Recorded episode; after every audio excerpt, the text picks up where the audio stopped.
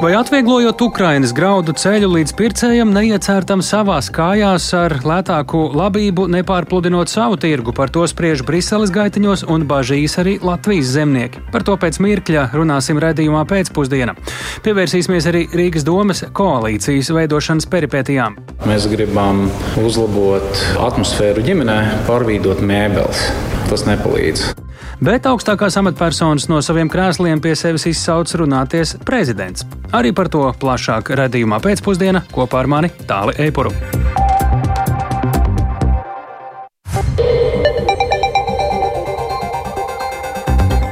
Ir 16,5 minūtes, skan Latvijas radio ziņu raidījums pēcpusdienā, skaidrojot šodien svarīgus notikumus. Studijā tālāk Eipurs.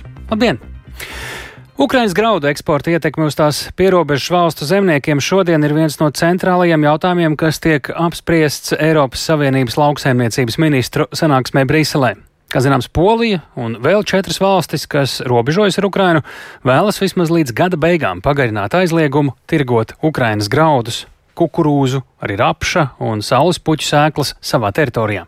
Savukārt Ukraina ir kategoriski pret šādu aizliegumu. Sanāksmes norisē šodien, sako mūsu korespondents Briselē Arķems Konohaus, ar viņu esam sazinājušies arī tiešraidē. Labdien, Arķem! Kādas reakcijas izskan no lauksainiecības ministriem par Bulgārijas, Slovākijas, Polijas, Ungārijas un Rumānijas vēlmi pagarināt savu tirgus aizsardzību? Labdien, tālu, labdien, klausītāji! Sanāksme joprojām turpinās, bet eh, no tā, ko var spriest pēc eh, ministru izteikumiem, kad viņi ir ieradušies uh, Briselē un sanāksmes sākumā ir izteikušies, tad reakcijas pagaidām ir visnotaļ piesardzīgas. Daudzi vēlas redzēt skaitļus, vēlas redzēt pamatojumus, kādēļ būtu nepieciešams spērt tādu soli, kādu rosina Polija un pārējās valstis. Un arī jāsaka, ka dokumentā, ko Polija un šīs jau minētās valstis ir iesniegušas, nekādu šo šobrīd skaitļu un tādu pamatojumu pašlaik nav. Viņi tikai norāda, ka e, tiešām nāk jauna raža, tas apjoms vēl nav skaidrs, bet uh, jau tagad var paredzēt, ka Ukrainas graudu ienākšana šo valstu tirgā, tirgos varētu ietekmēt ne tikai cenu, bet arī vietu, kur varētu to visu glabāt. Vienkāršāk sakot, būs grūti nodrošināt to, ka būs pietiekami daudz noliktavu, kur nolikt gan Ukrainas graudus, gan arī tos graudus, kas ir vietējā tirgū. Nu, ir izskanējusi arī iecerē iesaistīt eh, Lietuvas un Latvijas ostas Ukrainas lauksainiecības produkcijas transportēšanā, cik šis ir realistiski. Jā, par to tik tiešām tiek pietiekami aktīvi runāts, un arī Lietuvas lauksaimniecības ministrs Kestutis Navicks ir izteicies, ka šeit galvenais šķērslis ir, viņa prāt, ne tikai atšķirīgais dzelzceļa sliežu platums, kas atšķirās starp Poliju un Lietuvu, un arī pēc tam Latvijai tāds pats kā Lietuvā, tad arī birokrātija un tieši polijas varas iestāžu lēmums pārcelt uh, kontroli no robežas uz, ar, starp Poliju un Ukrainu uz ostām varētu pātrināt uh, graudu piegādi un transportēšanu. Un tas arī ir viens no risinājumiem, ko piedāvā ne tikai, Pol, ne tikai Lietuva, bet arī piedāvā uh, Ukrainas ministrs. Paklausīsimies, ko ir sacījis Lietuvas lauksaimniecības ministrs Nevicks. Uh, Mēs uzskatām, ka būtu nepieciešams pārvietot muitas un fitosanitārās pārbaudes no robežas uz Eiropas Savienības ostām. Mūsu gadījumā tā būtu Klaipēda, bet tālāk uz ziemeļiem Latvijā tā būtu Liepājas osta. Turklāt mēs uzskatām, ka būtu nepieciešams izveidot subsīdijas Eiropas pārvadātājiem, it sevišķi dzelzceļa kompānijām, lai atbalstītu Ukrainas graudu transportēšanu uz citām Eiropas ostām. Ukraine greens to other European ports. Jautājums par subsīdijām ir būtisks, jo, protams, jo tālāk nogādā graudus no Ukrainas, jo dārgāk tas izmaksā un cevišķi, būtu nepieciešama kāda pārkraukšana dzelzceļa sliežu platuma atšķirības dēļ. Protams, tas viss izmaksā vairāk. Un te runa ne tikai par Baltijas valstīm, bet arī pieņemsim par Nīderlandes un Vācijas ostām, kur arī varētu pātrināt šo graudu nogādāšanu. Bet nu, pagaidām par to vēl nekādas skaidrības nav, vai šādas subsīdijas varētu vai nevarētu tikt izveidot izveidotas. Tomēr arī Somijas lauksaimniecības ministrs, ministre Sāri Esaja ir izteikusies, ka tomēr citu ostu iesaiste varētu būt viens no iespējamiem risinājumiem. Paklausīsimies! Tas varētu būt risinājums, jo šobrīd šķiet, ka daudzas robežu valstis sastopas ar lieliem izaicinājumiem. Viņiem trūkst noliktavu, kā arī kravas automašīnu un vilcienu, ar kuriem var pārvietot šos graudus. Bet solidaritātes joslas ir nepieciešamas. Tādēļ, ja citas valstis var iesaistīties, tad tas palīdzētu situācijai. Un kā jau jā, Jā, tā lūdzu. Jā, pavisam īsi vēl beigās. Mēs nedrīkstam aizmirst arī, ka paralēli Ukraiņas kaimiņu iebildumiem arī Krievija nesen pārtrauca Ukraiņas graudu transportēšanu pa Melno jūru. Īsumā, kā tas sarunas Briselē ietekmē? Tas, protams, sarunas ietekmē, jo, protams, jo, līdz šim 60% jau ir gājuši caur solidaritātes eh, joslām un 40% pa Melno jūru. Nu, protams, tagad šis eh, skaitlis palielināsies un ir jādomā par papildus kapacitāti, kuru nav nemaz tik vienkārši atrast. Lielas paldies Artimam Konakovam tiešraidē no Briseles, kur lauksaimniecības ministrs spriež par Ukrainas graudu eksportu. Tikmēr par uh, Ukrainas graudu eksporta uh, noteikumu atvieglošanu bāžas ir Latvijas zemniekiem, jo, lai arī mūsu valstī nav tiešas robežas ar Ukrainu, dzirdējām, ka ir iespējamība, ka graudus no Ukrainas varētu eksportēt arī caur Baltijas ostām - Latvijas, Lietuvas. Kāda šobrīd ir iespējamie graudu ceļu scenāriji attiecībā uz Latviju un par ko? Un vai ir pamats bažām, esam sazinājušies ar biedrības zemnieku saima valdes locekli Mārtiņu Tronu. Labdien! Labdien. Kāda īsumā situācija ļoti diagonāli un dažos vārdos ir bijusi pēdējā gada un mēnešu laikā Latvijā ar Ukraiņas graudu tranzītu, importu? Skaidrs, ka mēs arī Latvijas lauksaimnieki esam kopā ar Ukraiņas lauksaimniekiem, ar Ukraiņas tautu, un mēs viņu, viņus arī iespēju robežās atbalstam šī um, karā ar, ar, ar Krieviju. Tomēr jāsaprot, ka šis Ukraiņas graudu eksports un eksporta atvieglojumi, uh, nodokļu noņemšanas attiecīgi negatīvi ietekmē, protams, produkcijas uh, cenu arī Eiropas Savienības tirgu un arī negatīvi ietekmē Eiropas, skaitā arī Latvijas lauksaimnieku konkurētspēju. Mēs, protams, esam izteikuši arī piedāvājumu un redzam, ka mēs esam maksimāli gatavi nākt pretī Ukraiņas lauksaimniekiem un piedāvāt arī viņiem palīdzību Ukraiņas graudu izvešanā uz trešajām valstīm. Jā. Bet kā, kas ir faktiski pēdējā laikā ar to noticis? Neatkarīgi no gatavības vai attieksmes, tas skaidrs, ka mēs atbalstam. Faktiski, faktiski, protams, ka kaut kāda daļa graudu, kas nāk cauri Latviju, viņi paliek Latvijā un uh, kaut kāda daļa Ukraiņas graudu arī nonāk Latvijā. Šos graudus arī um, izmanto attiecīgi, varbūt arī lopkopības saimniecības, kas iegādājas. Jo līdz šim mēs esam iegādājušies gan kukurūzu, uh, gan, gan, gan soju, gan rapšā un, un saulespuķu spraukumus, kas ir normāli, un to mēs darām arī līdz šim. Bet droši vien vairāk ir diskusija par kviešu, miežu vai, vai, vai, vai rapša ieviešanu. Ja, kas, un kas ar to ir noticis? Ir būtiski, būtiski pamainījis kaut ko tas ir. Ar Latvijas lauksaimniekiem mums ir svarīgi, lai sezonas laikā, kad mēs tik, tikko spējam tikt galā ar savu graudu izvešanu, lai nenāk vēl liela apjoma no Ukrainas, ja, kas, vienkārši var, kas vienkārši var paralizēt šo ostu darbību. Pagaidām šāda signāla nav, bet nu, mēs redzam arī uh, tos, tos paziņojumus, kas nāk arī šodien no Briseles, no Polijas puses, ja, par to, kā būtu jārīkojas un pa kurām ostām būtu šie Ukrainas graudi jāizved. Protams, mums arī pašiem pašlaik nav pietiekami daudz elevatoru, lai mēs savus graudus varētu glabāt, un tādēļ, diemžēl, mums sezonas laikā šie graudi graudi ir jāizved ārā, attiecīgi ir jāeksportē. Tad tīri tehniski brīdī, Ukraiņas graudiem uh, caur Latvijas ostām īsti nav pat varbūt vietas, kur viņus izvest. Sezonas laikā nav. Pēc sezonas, teiksim tā, ka tā ir ziema, pavasaris, vasaras sākums, kad ostas ir brīvas. Mums, protams, ir jādomā, kā mēs varam arī noslogot ostas, jā, kurām varbūt ārpus aktīvās graudu sezonas īpaši nav arī citu kravu. Tad kas šobrīd ir tās lielākās bažas uh, jums šobrīd? Dzirdot ziņas no Briseles, tā skaitā no Ukrainas, no Melnās jūras. Tā lielākā bažas ir tas, vai arī Latvijas un Baltijas valstu lauksaimniekiem būs pieejams kāds atbalsts, ņemot vērā to, ka šī lauksaimniecības produkcija gan graudi, gan piemēram olas, gan piena produkti ienāk arī Latvijas tirgū. Mēs esam dzirdējuši par to, ka Eiropas Savienība ir sniegusi arī zinām atbalstu Polijas lauksaimniekiem un citu valstu lauksaimniekiem. Jautājums, vai tiks atbalstīti arī Baltijas valstu lauksaimnieki. Neskatoties to, ka mums nav tieša robeža, mēs zinām, zināmu ietekmi jūtam Zināms, daudzums arī šīs produkcijas ienāk Latvijā, konkurē ar vietējo produktu, kas ir ražots pēc Eiropas Savienības standartiem, varbūt atšķirībā no tā produkta, kas ir ražots Ukrajinā. Teiksim, tā ir cita ražošanas standarti. Jā. Un par to ir bažas attiecīgi. Un, un jautājums, vai Eiropas komisija ir arī gatava kaut kādā mērā palīdzēt Baltijas valsts lauksaimniekiem. Mazs tehnisks un politisks dabas jautājums no Krievijas. Neienāk graudu Latvijas palikšanu pietiekami lielā daudzumā? Uh, graudi no Krievijas ienāk Latvijā, viņi ienāk ostās un aiziet projām. Produkts, uh, viņi nepaliek. Pēc mums pieejamās mm. informācijas viņi nepaliek. Jā. Paldies par sarunu, Mārtiņš Strons, biedrības zemnieku saima valdes loceklis. Zemnieki pārmet eh, uzņēmumam Baltikovo, ka tas vairs neiepērk Latvijas izcelsmes graudus. Tas ir svarīgi, jo šis olu ražotājs ir viens no lielākajiem vietējiem graudu patērētājiem gadā līdz pat 100 tūkstošiem tonu. Uzņēmums saka, ka bažām nav pamata. Situācija radusies, jo piegāžu līgumi šogad noslēgti eh, ļoti laikus, to vidū arī līgumi ar lielajiem kooperatīviem. Tiesa par to piegādāto graudu izcelsmi gan īstas pārliecības nav. Turklāt vēl tikai priekšā ir arī Baltikovo kukurūzu, saules puķu, rapšu, spraukumu iepirkšana. Pieklausos uzņēmumu Baltikovo valdes loceklis Toms Auškāps. Labdien! Labdien! labdien. Jūs piegādātājiem jautājat par graudu izcelsmes valstīm? Nu, jā, pirmkārt, jā, paldies par šo interesi. Un, jā, mēs arī esam visnotaļ nacionalistiski noskaņots uzņēmums un vienmēr esam rūpējušies. Kā ar tiem piegādātājiem un graudu izcelsmi?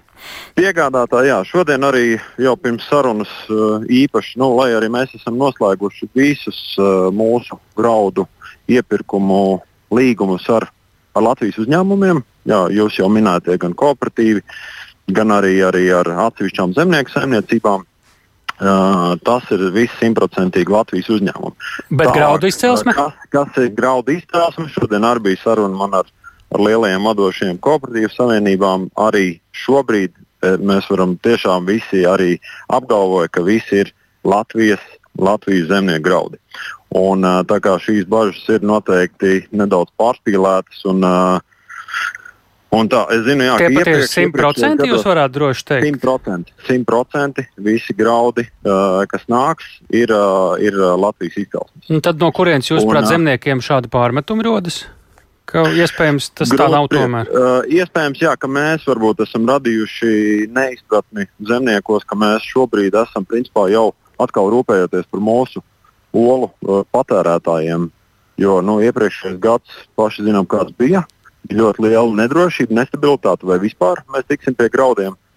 Un, uh, tāpēc šogad mēs, mēs mainījām stratēģiju. Mēs ļoti laicīgi uh, slēdzām līgumus šo, šogad, tātad liekot akcentu lielāku uz kooperatīviem, uh, kas var garantēt lielos apjomus, jo tie apjomi tiešām lieli. Mums ir. Respektīvi, Latvijas zemnieki, kuri parasti šajā laikā varbūt vēl varēja kādu līgumu noslēgt, to īsti vairs nevar, un tur rodas tā sajūta, ka viņi netiek klāti. Uh, šogad tāda ir situācija, bet uh -huh. šie zemnieki noteikti var arī, man kooperatīvi arī apstiprināja, ka viņi noteikti var vērsties pie viņiem. Un uh, pārdot vai nodot šos graudus lielajām kooperatīvu savienībām. Es tur absolūti neredzu nekādu nacionālu raksturu problēmu. Uh, Un, uh, varbūt jā, šogad, šogad mēs tiešām likām akcentu uz, uz lieliem apjomiem, uz lieliem kontraktiem. Labi, bet jā. citus gadus mm. mēs esam arī uh, redzējuši milzīgas rindas. Ar, uh, un, un, un pagājušajā gadā mēs esam investējuši lielos elevatoros. Tā kā jā, tās kapacitātes mums ir Pieņemams šajā ziņā. Nāk priekšā mums vēl kukurūzas, saules puķis, rapši arī tie, laikam, ir jūsu barības ķēdē, tā var teikt. Ir, ir, kā, kā ar jā. to un Latvijas izcelsmi? Nē, tur, eh, tur ir eh, grūtības eh, Latvijā atrast šādus apjomus. Un, principā, bet atkal jāatgādina, ka lielākā daļa tiem te jau, manuprāt, 70-80% vistu barības sastāv tieši no kviešiem un miežiem. Un, tālāk jau ir jā, šie visi saulesproķi, spraukumi, kukurūza. Tas, tas gan nāk pārsvarā šobrīd no Ukrainas. Paldies par sarunu. To mēs sakām uzņēmuma Baltikovo valdes loceklim Tomam Auškāpam. Rīgas domas koalīcijas frakcijas kārtējās sarunās nav atradušas kompromisu, lai varētu turpināt kopīgu darbu. Šodien domas kodola trīs frakcijas jaunā vienotība, Nacionāla apvienība, apvienotais saraksts piedāvāja progresīvajiem noslēgt sadarbības memorandu, lai saprastu, vai līdzinājā koalīcija paliks kopā arī turpmāk. Kā uz to reaģēja progresīvie, kas ir memoranda projektā un cik tālu tikts trīs nedēļu ilgajās sarunās, klausāmies Viktora Demidova ierakstā. Kopš Mārtiņa Staķa atkāpšanās no Rīgas mēra amata, Domas koalīcijas frakcijas šodien sanāca kopā jau piekto reizi. Lai saprastu, vai lielākā frakcija par progresīvie arī turpmāk vēlas būt Domas kodolā, trīs politiskie spēki - jaunā vienotība, Nacionāla apvienība, Latvijas reģiona apvienība un deputātu bloks kods Rīgai piedāvā noslēgt sadarbības memorandu. Tā projektā pieminēts, ka valstiski domājošo politisko spēku vairākums vienojas ievērot koleģiālu sadarbību sadarbību un respektēt noteiktās atbildības jomas. Uzsvars likts arī uz vairākiem uzdevumiem, piemēram, latviskās identitātes spēcināšanu, tai skaitā atbalstīt pārēju uz mācībām latviešu valodā pašvaldības mācību iestādēs no septembra. Uzdevums ir arī sekmīgi ieguldīt ielu un ceļu infrastruktūrā Eiropas Savienības naudu. Ja ir kādi ieteikumi, progresīvi aicināti tos izteikt līdz ceturtdienas pēcpusdienai. Savukārt piekdien trīs frakcijas sagaida, ka progresīvie memorandu parakstīs. Taču pēc šodienas izskatās, ka sarunas ir uz sēkļa. Arī politiķi vairāk kārt uzsvēra, ka sarunas virzās ļoti lēni. Sadarbībā optimismu nejūt deputātu bloka kods Rīgai vadītāju vietnieks Jānis Ozols. Izstāsta, ka mūsu problēma ir tā, ka mēs neesam vienojušies par krīzes cēloni. Un šobrīd tādās līdzībās runājot, mēs gribam uzlabot eh, atmosfēru ģimenē, pārvīdot mēbeles. Un mēs zinām, tas nepalīdz. Ir mm, jāsaprot cēlonis, un mūsu izpratne tā ir kolēģialitātes trūkums. Tas ir tas, ko mēs esam ierakstījuši savā memoranda uzmetumā, kā vienu no svarīgajiem punktiem. Tikai tad, ja būs šī kolēģialitāte, mēs spēsim sastrādāties. Un stāsti par mēru, vicemēru, kabinetu maiņas, satiksmes jomas, citas jomas, tas viss ir tikai dekorācijas. Patiesība slēpjas mūsu attiecībās, kuras vai nu mēs spēsim, vai nespēsim uzbūvēt. Šobrīd man tas nav, es neesmu optimistisks. Lai gan trīs frakcijas raugās skeptiski uz progresīvu uzskatu, ka Rīgā triju vicemēru vietā ir jābūt tikai vienam, progresīvie joprojām domā, ka tādējādi pilsēta būs labāk pārvaldīta. Frakcijas vadītājs Mārtiņš Kosovičs norāda, ka pašlaik par kādu nozari atbild gan komitejas vadītājs, gan arī vicemērs, kas darbā mēdz iejaukties. Viņa prāt, tā turpināties nevarot. Dažkārt ir labi nodomi, kāpēc politiķi gribētu iemaisīties kapitāla sabiedrību darbā, departamentu darbā, bet bieži vien gadās tā, ka tās rokas un kājas paslīd, tad nu gan nav labi. Līdz ar to mums vajadzētu novilkt skaidrs robežas un pateikt, ka politiķiem, kur ir tā robeža, līdz kuriem var pietuvoties, eh, kontrolējot eh, departamentus un kapitāla sabiedrības. Tāpēc mūsu priekšlikums ir simboliski arī šās eh, karalistes samazināt politiskās. Ja ir izveidojies šis bloks 20 balss un mūsu frakcijai 14 balss, kāpēc gan nevarētu būt tā, ka ir viens mērs un viens vicemērs? Šonadēļ gaidāmas koalīcijas frakciju individuālās tikšanās. Pirmā notiks rīt, kad par progresīvie tiksies ar jauno vienotību. Viktors Demidovs, Latvijas radio. Par svarīgi, svarīgām tikšanām turpinām, lai arī darbu Rīgas pilī valsts prezidents Edgars Rinkēvičs eh, sāka ar pirmajām vizītēm kaimiņu valstīs un Krāslavas novada apmeklēšanu. Visvairāk ailīšu darba kārtībā pēc tam veltīts sarunām ar ministriem un dažādu jomu augstām valsts amatpersonām. Šīs sarunas vērtējums gan kā aktualitāšu apzināšana nozarēs, gan arī valsts prezidenta iespēja akcentēt kādus konkrētus uzdevumus. Īpaši liela loma līdzinājās sarunās ir valsts iekšējai drošībai. Vairāk Jāņa Kīņša ierakstā. Šonadēļ valsts prezidents Edgars Rinkevičs sāka viesojoties valsts ugunsdzēsības un glābšanas dienesta atsevišķās nodaļās. Pēc to apmeklēšanas viņš atzina, ka valsts ārējā un iekšējā drošība nav atdalāmas. Taču atšķirībā no aizsardzības jomas, kam pēdējos gados finansējums pamatoti un strauji audzēts, iekšlietu dienesti palikuši pabērna lomā. Par to liecina gan zemais atalgojums, gan daudzviet nolietotā infrastruktūra. Tas bija viens no galvenajiem tematiem arī tikšanās laikā šodien ar iekšlietu ministru Māri Kučinski no apvienotā saraksta. Pēc viņa teiktā, valsts prezidenta atbalsts būs noderīgs aizstāvot iekšlietu ministrijas sagatavotos aprēķinus par ugunsdzēsēju, policistu, robežu sargu zemāko atalgojumu celšanu. Tas attiecas arī uz ieslodzījumu vietās strādājošo algu. Pagaidām tas, kas ir valdības veidošanā, noliks par 10% pieaugumu. 10% pieaugums var būt adekvāts, ja būtu maza inflācija, vai arī tas to var attiecināt uz augstāko personālu, bet uh, tieši tiem, kurš šobrīd saņem 700, 800 eiro, protams, ja mēs negribam viņus pazaudēt, tad valstī tas jānovērtē. Arī valsts kontrolas atzinums par to, ka iekšējās drošības jautājumu atalgojuma ziņā ir jāsabalansē arī ar bruņoto spēku Un faktiski aprēķins, kur ir apmēram 30% pieaugums, ir iesniegts Finanses ministrijā, bet nu, šobrīd, protams, vēl nav sākušās sarunas. Tāpat prezidents arī mudinājis ministru uzdot policijai stingri un principiāli vērsties pret sabiedriskās drošības un kārtības apdraudējumiem un naida noziegumiem. Prezidents arī paudis gatavību klātienē iepazīties ar Latvijas, Baltkrievijas un Latvijas Krievijas robežas infrastruktūras būvniecību. Ar to norādes valsts iekšējās drošības un tiesiskuma uzlabojumiem neaprobežojas. Jau iepriekš pēc viesošanās Rīgas pilī prasmīgāk skaidrot lēmumus apņēmušies ģenerālprokurors un augstākās tiesas vadītājs. Turpina valsts prezidenta padomniece likumdošanas un starptautisko tiesību jautājumos Kristīna Līce. Arī zināšanu un prasmju papildināšana gan um, tiesu sistēmā strādājošajiem, gan valsts un pašvaldības policijas darbiniekiem, tiesību normu interpretācija, par tiesību normu piemērošanu, arī specifiskās nozerēs, kas šobrīd uh, Latvijai ir aktuāls, aizsardzība pret vardarbību, dažādi ar um, valsts drošību saistītu noziegumu izmeklēšanu.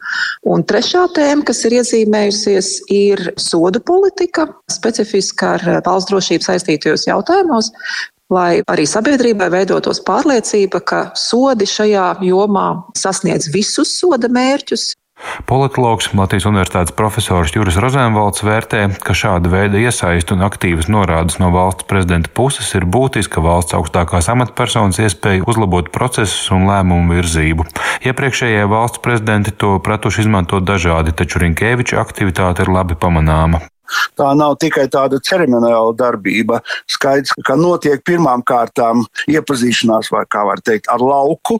Bet, manuprāt, tas būtiskākais, kas varētu būt prezidentam, tas ir patiešām veidot zināmu politisko lēmumu, arī izpildvaras lēmumu pieņemšanas kontekstu, liekot uzsvarus.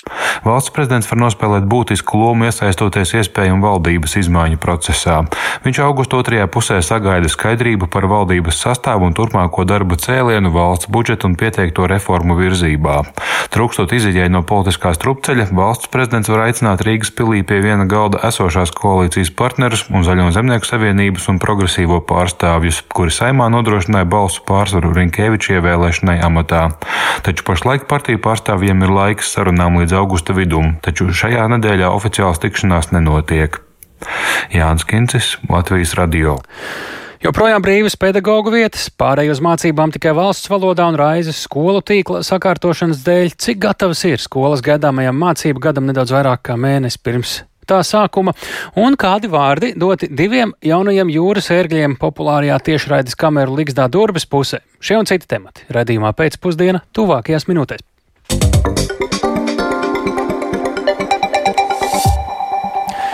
Ko tas nozīmē darba devējiem nodarbināt personu ar invaliditāti? Un vai par to var saņemt kādu atbalstu? Šodien un vēl vairākās citās dienās, jūlijā un arī augustā, darba devēji, kuri jau nodarbina vai tikai plāno nodarbināt cilvēkus ar invaliditāti, var pieteikties bezmaksas tiešsaistes grupu konsultācijām. Nodarbinātības valsts aģentūrā. Par to vairāk mums ir gatava izstāstīt Nodarbinātības valsts aģentūras pārstāve Zana Kauliņa.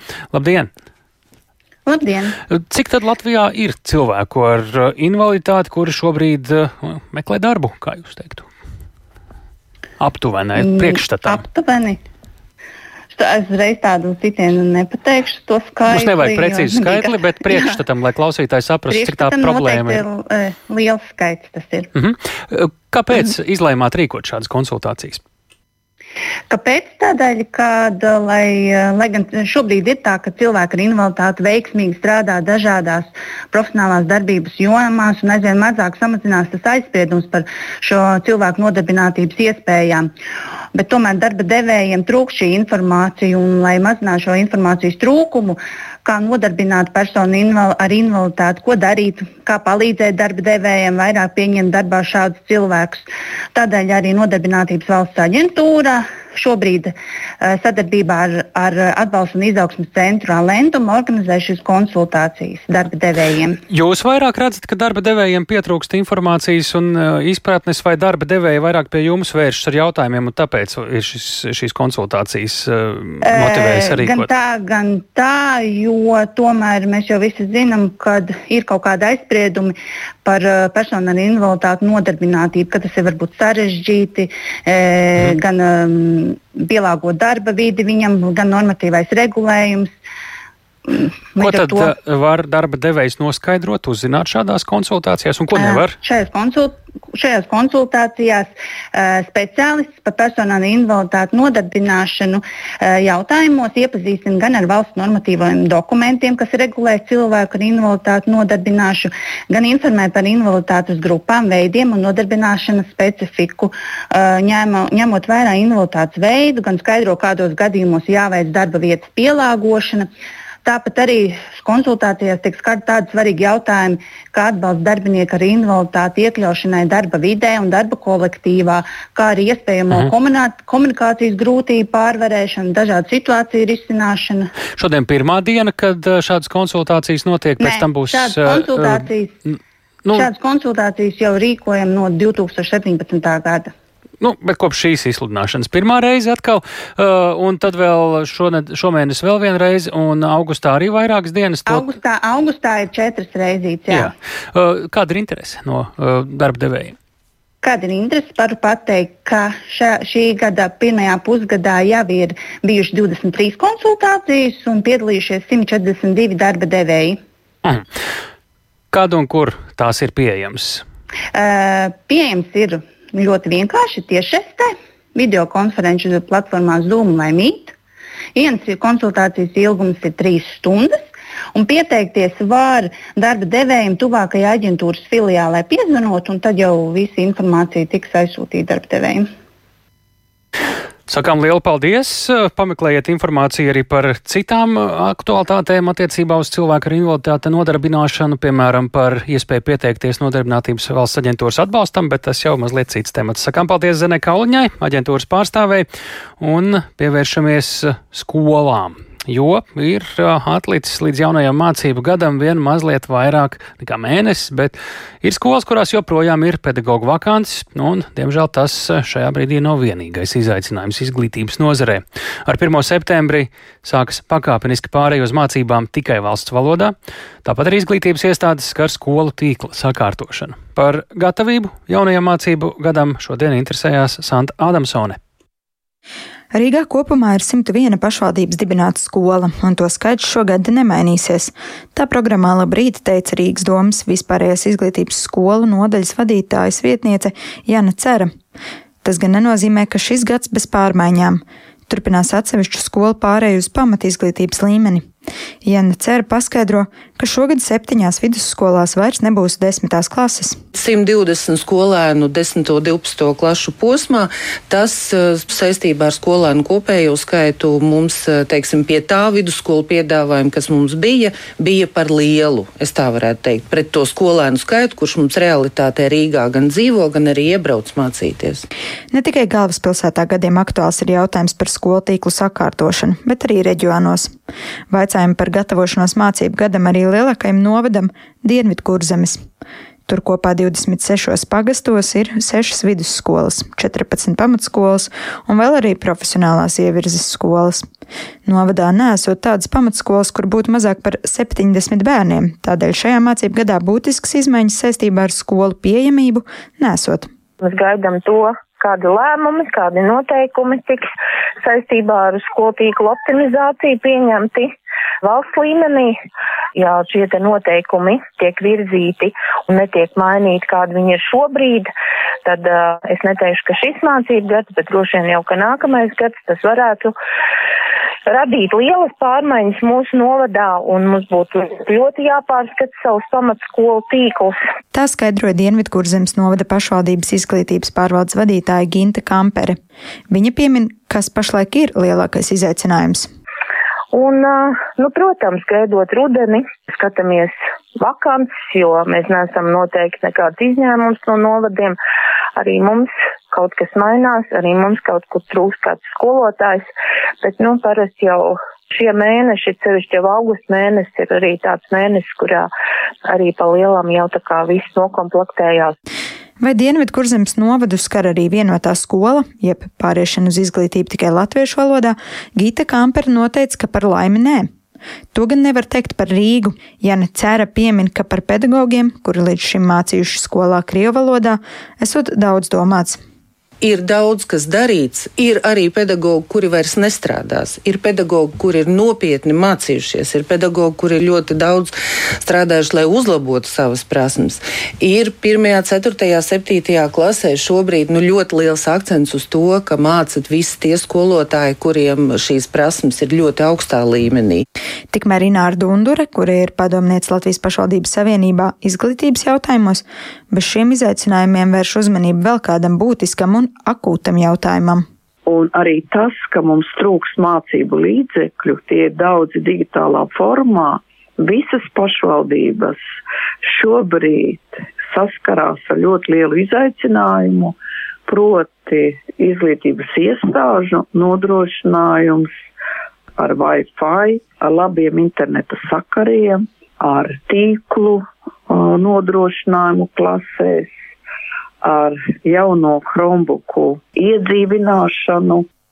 Līdz šīm aktualitātēm, skolu reformām pašvaldībās, vienotas skolas ieviešanai, pedagoģu piesaistē un kvalificēšanai, remonta darbiem, Ināra Dundur piemin arī svešvalodu mācību, prasību, ka no izglītības programmām ir izņemta krievu valoda un tagad skolām jānodrošina kā otrā svešvaloda kāda no Eiropas Savienības valodām. Santa Adamsona, Latvijas Radio. Ar futbola klubu Valmiera spēli šovakar sāksies notikumiem bagāta nedēļa Latvijas klubu futbolā. Uzreiz četras pašmai vienības aizdīs spēles UEFA konferences līgas kvalifikācijas jau otrajā kārtā. Valmieriešu laukumā pirmie jau šovakar. Bet, lai runātu par šī vakara un arī pārējiem kvalifikācijas turnīru otrās kārtas mačiem, esam sazinājušies ar kolēģi Māri Bergu. Sveiks, Māri, saki, eh, Valmierai pēdējās eh, nedēļas laikā eh, tāds neveiksmīgāks nogrieznis ar diviem zaudētiem mačiem. Kā tad komanda ir gatavojusies šai spēlei? Sveiks, tāli! Sveicināti klausītāji! Pilnīgi pareizi saki, Valmierai pēdējās spēles tik tiešām noslēgušās ar zaudējumiem savā laukumā. Pirms nedēļas zaudējums Čempionu līgas kvalifikācijas pirmās kārtas spēlē pret Ljubljanas Olimpiju ar 1-2, un tur Valmierai bija vairākas iespējas gūt vēl vārtus, taču tās tā arī palika nerealizētas, un divu spēļu summā, kā zināms, zaudējums Olimpijai ar 2-4. Nedēļas nogalē zaudējums arī Daugopilī pašmāju virslīgas spēlē līdz ar to Jurģa Kalna vadītajai Valmieras komandai svarīgāk ir savākties tieši psiholoģiski. Viņš pēc spēles pret Daugopili minēja, ka trūcis emocija, turklāt Valmiera ir gados ļoti jauna komanda, līdz ar to fiziski visam būtu jābūt kārtībā. Tiesa, apstākļi šovakar San Marino Valmieras komandai nebūs viegli. Ir karsts, sūtīgs un pretinieks pie tādiem laikapstākļiem noteikti ir vairāk pieradis, taču tas gan nevar būt attaisnojums nelabvēlīgam rezultātam šovakar. Turpinājumā dzirdēsim Valmieras kluba galveno treneru treneri Jurģi Kalnu. Nebūs viegli pastaiga. Ļoti pieredzējusi komanda, gados pieredzējusi komanda. Un, uh, varbūt visi vairs nespēlē savā labākā līmenī, bet spēlētāji, spēlētāji ar pieredzi un uh, patīk kontrolēt bumbu. Protams, mēs centīsimies viņiem to neļaut un paši paņemt bumbu zem kontrolas uh, jau no pirmajām minūtēm. Jāuzmanās no pretuzbrukumiem ļoti labi. Teiksim, tā, divi centra uzbrucēji, kur aizsarās aiz bumbām, mēģina saglabāt savai komandai bumbas, visi uzbrukumi iet caur viņiem. Tālāk Valmieras komandas galvenais treneris Jurģis Kalns par šī vakara pretiniekiem tāli. Nu, Tātad Valmierai jāspēlē pret šo San Marino komandu Trepen, bet kas ir zināms par viņiem un uz papīra, kurš un kurš realitātē izskatās pēc doļa favorītu vairāk? Šī pāra favorīta neapšaubām ir Valmieras futbolisti, un viņiem tiek prognozēta iekļūšana nākamajā kārtā. Lai to paveiktu, Valmieras komandai nāksies pārrakstīt pašai savu vēsturi, proti izcīnīt pirmo uzvaru Eiropausas turnīros. Līdz šim Valmierai tas vēl nav izdevies. Arī pretiniekiem Eiropausos viņu kluba vēsturē nav veicies 21. mačā, Trepēne piedzīvojot 20 zaudējumus, turklāt lielākā daļa no tiem ir ar lielu vārtu starpību. Kas attiecas uz San Marino klubu, viņi noteikti nav savā labākajā formā, jo mēneša laikā aizvadījuši tikai vienu oficiālu spēli. Jūnija beigās šī komanda Čempionu līgas priekškvalifikācijas pusfinālā zaudēja Islandes klubam Breidablika ar rezultātu 1-7. Lielākā daļa trepēna sastāva ir itāļu futbolisti, bet par gaidāmo maču sarunā ar Valmieras kluba preses dienestu stāstīja aizsargs Niks Sliede. Klausāmies! Laukums ļoti interesants. Nevar īsti saprast, kas tieši ir savādāks, bet es neteikšu, ka viņš ir slikts. Viņš ir diezgan labs laukums, var spēlēt futbolu, nav kaut kāds dubļu lauks. Pavisam minimāli, jā, protams, kaut kas pat palasīts, paskatīts ir, bet nu, tā baigi daudz neko neesam paspējuši izdarīt. Bija spēle par Daugaupili un tagad jau lidojums un treniņš un baigi daudz neko neesam paspējuši apskatīties. Valmieras un Sanmarīno kluba trepēna spēle šodien sāksies bez 15 minūtēm 10. vakarā, bet atbildes spēle Valmierā paredzēta pēc nedēļas. Tāli. Tātad šovakar spēle Valmierē, viņi sāk pirmie, bet eh, kad šajā nedēļā spēlēs pārējie trīs Latvijas klubu konferences līgā? Jā, nu jau rīt paredzēta RFS un Azerbaidžānas sabakspēle. Par šo maču runājām vakar, un tas notiks kā paredzēts septiņos vakarā Slokas stadionā Jūrmalā jau rītvakar. Abu komandu izredzes RFS un sabak duelī kopumā vērtējums visnotaļ līdzīgi. Vēl divi mači Latvijas klubiem paredzēti ceturtdien, un abi sāksies vienlaicīgi astoņos vakarā. Ķekavas Auda Skonto stadionā uzņems Slovākijas klubu Turnavas Spartak, un šajā duelī favorītu statusā būs Slovāki. Ceturtdienas spēle arī FC Riga. Viņi viesosies Ungārijā pie Kečka Metī komandas, un šajā pārī izredzes tiek vērtētas ļoti līdzīgi. Atbildes spēles visos pāros tātad pēc nedēļas, kad arī noskaidrosim uzvarētājus divu spēļu summā, un uzvarētāji jau iekļūs kvalifikācijas trešajā kārtā, nonākot vēl so, soli tuvāk kārotajam konferences līgas grupu turnīram. Tāli. Paldies, Māri! Dodamies uz futbolu, tur, kur mājas spēles, un dodamies tālāk redzījumā pēcpusdienā. Latvijā populāri populārākajam tiešraidē vērojamam ērgļu pārim Durbas novadā jaunumi. Viņa mazuļiem ir izvēlēti vārdi, un to balsojumā ir paveikuši aktīvākie putnu dzīves sekotāji. Abu vecāku, Mildas un Volda, divus pēcnācējus balsojumā varēja nu, tur izvēlēties. Bija vairāk variantu vārdiem, kā vārdu pāri, Zigis un Ance, Viesulis un Migla, D1, D2, kā arī Jānis un Līga. Tie bija tie populārākie, bet uh, balsojumā uzvarējis cits vārdu pāris. Un pie mūsu klausulas ornitologs Jānis Čuzi, labdien! Labdien! Pirms mēs nosaucam šos vārdus, eh, vasaras vidus tomēr tāds eh, varbūt arī šķiet mazliet neparasts laiks mazuļu kristībām. Eh, viņiem taču būtu jābūt izšķīlušamies jau pasen vārdus ieguvušiem jau senāk. Kāpēc tikai jūlija beigās tas notiek? Mēs fonā dzirdam, viņi jau tur sauc ligzdā pietiekami skaļi un lieli un iespējams jau lido. Kāda ir tā vēsture īsumā? Jā, nu, šī uh, sezona uh, Durvis jūrasīga ligzdā izveidojās tāda nedaudz neparasta. Sākums bija uh, tāds klasisks, uh, kā tam vajadzētu pienākties, proti olas tika izdātas uh, marta uh, pirmās dekādas beigās, otrās dekādas sākumā, kas ir pilnīgi normāls laiks. Olas izšķīlās. Un, uh, Tad, kad mazuļi jau bija nedaudz paaugušies, 4. maijā viens no mazuļiem izpildīja tādu precīzu šāvienu un ar mēsliem aizsmērēja kameras acis, tādā veidā droši vien sargādam savu privāto dzīvi. Un, Tā visa rezultātā mēs aptuveni uz diviem mēnešiem palikām bez šīs kameras, jo laikā, kad uh, mazuļi uzturās Ligzdā, uh, no šo Ligzdu kameras apkopes uh, nolūkos apmeklēt nedrīkst. Un, līdz ar to pie Ligzdas tika, tika kāds tikai 14. jūlijā. Tas ir laiks, kad mazuļi jau brīvi lido un šai ziņā nekādu risku vairs radīt nevar. Un līdz ar to arī nu, tā mazuļu vērošanas sezona faktiski mums šogad pagāja uh, secen. Tiesa gan putni joprojām uzturās Ligzdā, abi divi jaunuļi Ligzdu regulāri apmeklē, jo arī vecie putni turpina viņus barot uz Ligzdas. Līdz ar to arī tā tradicionālā vārdu došana šogad atlikās uz krietni vēlāku sezonas daļu, bet nu, šodien, pateicoties mūsu aktīvākajiem līgas skatītājiem, Aha. šis darbs ir darīts. Nu, labi, mēs nosaucām tos nākamos aiz pirmās vietas vārdu pārus, kuri arī bija pietiekami labi novērtēti, bet kuri tad ir, kā tad sauks abus jaunos ērglēnus? Jā, nu tā tad jaunuļiem ir doti vārdi kursis un kat. Kursis un kate, kurš izdomāja? Jā, nu, to es īsti nevaru pateikt, jo tas ir uh, dabas datu fóruma lietotāja darbiņš. Jo parasti mēs, uh, kā kameru uzturētāji, proti, Latvijas dabas fonds, mēs šajā uh, notikumā neiejaucamies un atstājam vārdu došanu tīri uh, kameru skatītāju mm. ziņā. Nu, šī, protams, nav vienīgā tiešraides līgsta, vēl ir stārķi, zivju ērgļi, vistivanogi, mazie ērgļi, melnās klījas. Tur viss mierīgi vai arī tādi seriāli cienīgi notikumi pēdējā laikā? Uh, Nu, ir, ir bijis dažādi, bet es teiktu, ka šī mums ir bijusi laba sezona. Tādā ziņā, ka uh, mēs esam kopā pavisam septiņās līgzdās redzējuši to, kā uh, aug jaunie putni.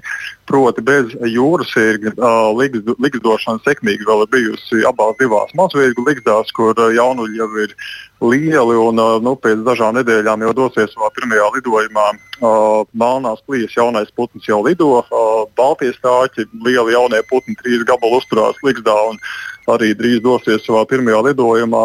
Mēs varam vērot vīres, būrī, cēsu pilī, ļoti interesants putns un visbeidzot arī lielais dumpis, kura sekmīgu likdošanu mēs varējām vērot Engūras ezera niedrājos. Nu, mēs te dzirdam fonā nedaudz, varbūt paklausīsimies. Uh, operators uzliks, kā uh, iespējams, ka vai nu uh, kate vai kursis kliedz. Viņam viss kārtībā pēc skaņas spriežot. Uh, jā, nu, redziet, uh, jaunie putni šajā laikā ir vokāli ļoti aktīvi, jo viņi tādā veidā prasa pieaugušiem putniem barību. Un, lai arī viņi ir brīvi lidojoši, šie jaunuļi, vecie putni joprojām viņus uh, uztur, baro. Un, uh, šie kontaktu saucieni uh, ir uh, nozīmīgs veids, kā jaunie putni komunicē ar veciem, kā viņi prasa barību. Bet uh, vēlāk uz vasaras otru pusi barība viņiem tiks dot ar vien mazāk un mazāk, un tādā veidā šie jaunie yeah. tiks uh, nu, piemā, iemācīti pastāvīgi dzīvot.